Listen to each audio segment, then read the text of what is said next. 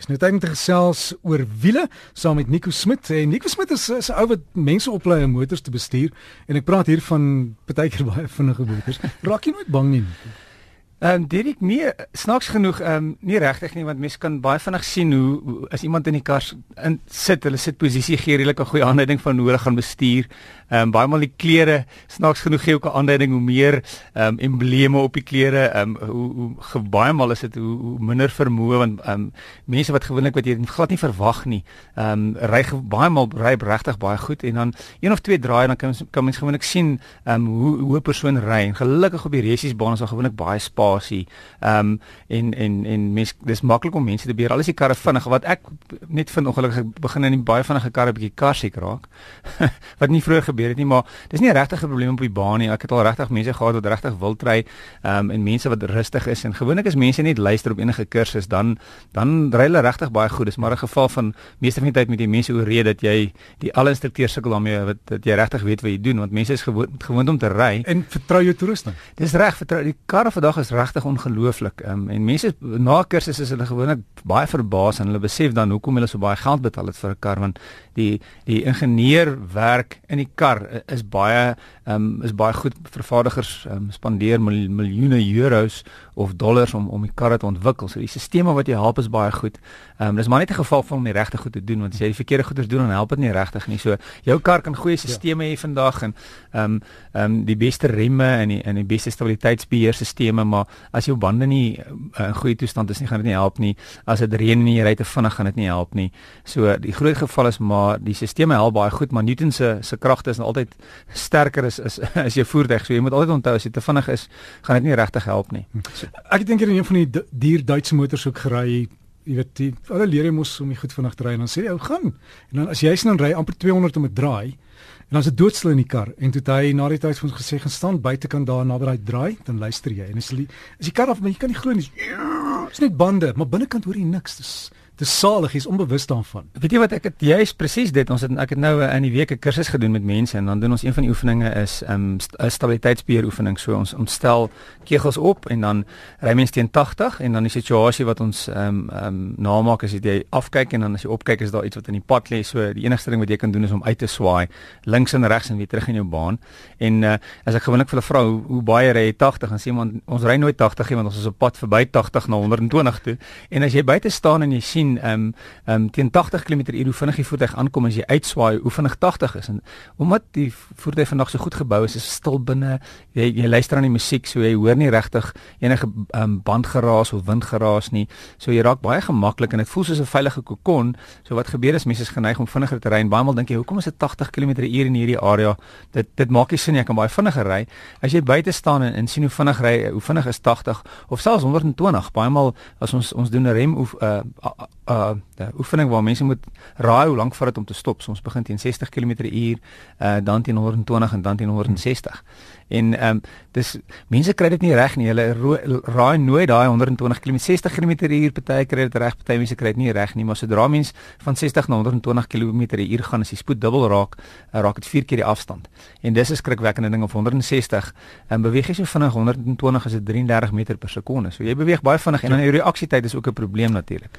Linda Havenga het 'n boodskap gestuur. Sy vra um, haar motor se cambelt moet vervang word volgens die spesifikasie van die vervaardiger, maar is regtig nodig? O ja, ek sal dis een ding wat ek nie sal mee speel nie. So uh, wat gebeur 'n cambelt uh, hoe 'n cambelt werk is jou engine ehm um, het ehm um, het pistons wat op en af gaan ehm um, en die hele tydsberekening van van van die pistons en en die valves met ander valves soos deurtjies wat oopmaak wat die lug en brandstof inlaat en uitlaat. So hierdie hele stelsel moet mooi saam alles moet mooi saamwerk.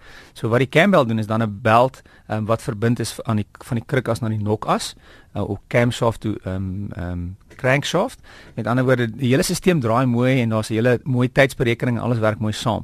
Maar die belt het net 'n sekere leeftyd. Nou hang af partymal as dit 'n ketting, partymal as dit 'n belt en altyd het voor en nadele, maar daar's 'n sekere tyd, kom ons sê 120 000 km wat hulle sê vervang nou die belt.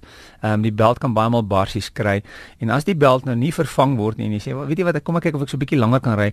Wat gebeur as die belt dan breek of ehm um, skuif op 'n of ander manier. Wat nou gebeur is daar's ongelooflike kragte, die die die piston en die engine beweeg op en af en dan die kleppe of die valves maak oop terwyl die piston ehm um, opbeweeg opbeweeg en dan wat gebeur is jy maak ongelooflike skade aan jou engine. Oh. Uh, en dit is baie duur. So alhoewel jy dink luister dit dit dit gaan ekstra geld kos of ek het nou nie nie nou die geld nie.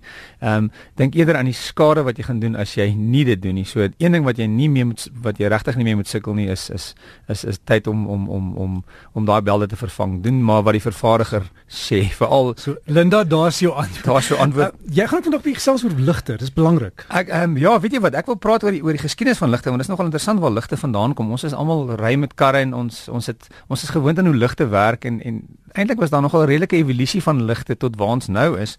En in 1949 en weer in 1968 het die VN konvensie reëls neergesit om te sê dis hoe die ligte in 'n voertuig moet wees. Uh, die voorste ligte moet wit wees, die agterste ligte moet rooi wees. Ehm um, voertuig aan die kant van die voertuig moet geel wees. Ehm um, wat interessant is, die eerste ehm um, flikkerlig soos ons dit vandag ken was deur Florence Lawrence ontwikkel. Sy was 'n filmster in in die draai van die vorige eeu en ehm um, dit was die aanvanklike flikkerligte was nie soos ons nou ken 'n liggie nie, was 'n armpie wat wat wat uitgekom het en dan links en regs gewys het om te wys die rigting waartoe jy gaan. Die eerste ligte, so karre was 1886 het Carl Benz die eerste kar uh ontwerp of op pad gestel selfde tyd as as Gottlieb Daimler en van 1880 tot 1900 was dit karbietlig eh, of as dit 'n leen lampe. So dit was maar 'n lampie. Karre gelukkig het nie baie vinniger ry nie, jy het nie sterk ligte gehad nie, maar die lampie is is die wind te sterk was of dit gesneeu het reg was jou liggie uit. So dit het nie goed gewerk nie. Elektriese ligte was eers so teen 1898.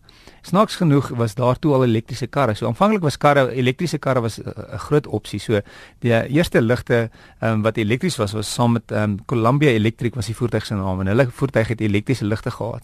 Maar nog steeds was dis 'n filamentjie maar die filament as die pad baie sleg was, het die filament gebreek en karre soos dit 'n ligte soos dit vandag ken, uh, was in 1910 ontwikkel. Die um, Koning uh, Canon 4 was die eerste kar met konvensionele ligte en wat hulle gehad het, hulle het actually uh, hulle het 'n uh, 'n lens gehad om die lig te fokus. So die ligte soos ons vandag ken, um, met 'n lens om dit te fokus was in 1910 ontwikkel, maar nog steeds was daar 'n verdere ontwikkeling met ligte want um, die eerste ligte soos ons vandag ken wat wat wat jou hoofligte en jou ryligte saam het, uh, is in 1917 1917 deur um um uh, skus bietjie later in 1924 deur Biolux ontwikkel.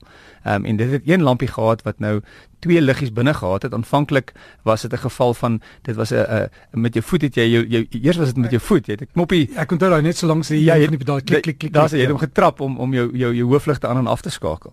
Ehm um, en toe so 1940 tot 1983 was ligte redelik dieselfde, was geseelde eenhede. Met ander woorde die lig, die hele eenheid was geseël. Ehm um, en dis omtrent toe hulle geen ligte ontwikkel is, maar jy kon nie die lampie vervang nie. So eers ehm um, 1983 het was daar saamgestelde ligte ehm um, waar soos ons vandag ken waar waar jy gloeilampie gekry het en toe in die 1990s was was halogeenligte ehm um, was nuwe tegnologie. So nuwe tegnologie halogeen is 'n 'n gas Ag xenon skies. Xenon is 'n gas waar ons baie hoë stroom deur die xenon sit, ehm um, wat lig afgee. En so in uh, in 2010 het ons um, LED ligte gekry um, op voertuie, baie voertuie vandag het LED ligte en ook bietjie later laserligte. So daar's een of twee voertuie wat vandag wat laserligte ge gebruik en laserligte het 'n blou laser wat jy die lig deur 'n fosforelement stuur en wat lig afgee. Maar die ding gewoonlik van 'n laserlig is, hy skyn baie ver. Laserlig is gewoonlik meer jou jou hoofligte of uh, soos ons sê um, jou jou brights en hulle skyn tot en met 600 meter voor die kar. So daar's ongelooflike ligtegnologie vandag beskikbaar. En so as jy voertuig koop, um, is dit nogal iets om om te vra watse ander tipe ligte is daar as opsies want selfs die standaard ligte wat nou vir jou baie goed lyk, die nuwe ligte is ongelooflik. Die ligte baie nuwe tipe ligte is byvoorbeeld matrix ligte is 'n voorbeeld van ligte waar jy met jou hoofligte aanry die hele tyd. Dan is daar 'n kamera wat voertuig wat wat die lig optel van ander voertuie en net daai gedeelte in skadu wees sit waar die voertuig is. So om die voertuig is dit helder ligte en waar die voertuig is is dit is dit skadu wees. So die ligte is ongelooflik ehm um, goed. So dis regtig jy moet werd om om bietjie navorsing te doen as jy 'n nuwe kar koop en sê watse ander ligopsies is daar want die nuwe ligte is so ongelooflik. En dan is daar so 'n volume kontroletjie langs die ligte se skakelaar. Waarvoor is dit? O, dis 'n goeie en weet jy ehm um, um, die die ehm um, die nuwe ligte ehm um, gaan self die hoogte stel. Maar as jy 'n uh, ouer tipe veral met halogeenligte kry het nog uit so 0123 Uh, en wat dit is is dit is die die die hoogte van die ligte as die voertuig gelaai is. So jy moet altyd op 0 wees. En, en wat gebeur is as jy ehm um, as jy iets in die bak laai dan gaan die agterkant van die voertuig sak. Dan skuif jy op na 1 2 of 3 toe want die ligte skyn te hoog. Dan kan jy basies die ligte afskuif meer na die pad toe jy ander ehm um, mense verblind. So as jy ry en jy as jy hom net skuif van 0 na 3 toe sal jy sien hoe die ligte skuif. So moenie op op 3 ry as jy alleen is nie want die ligte skyn nie ver genoeg vorentoe nie. Goeie vraag. Wat interessant. Baie dankie Nico. Dankie. Lekker naweek. Lekker naweek en veilig ry asseblief. Ja, ek gaan rustig ry. Reën lekker in Johannesburg, nee. Ja, versit gewees op die natpaai in in Gauteng. thing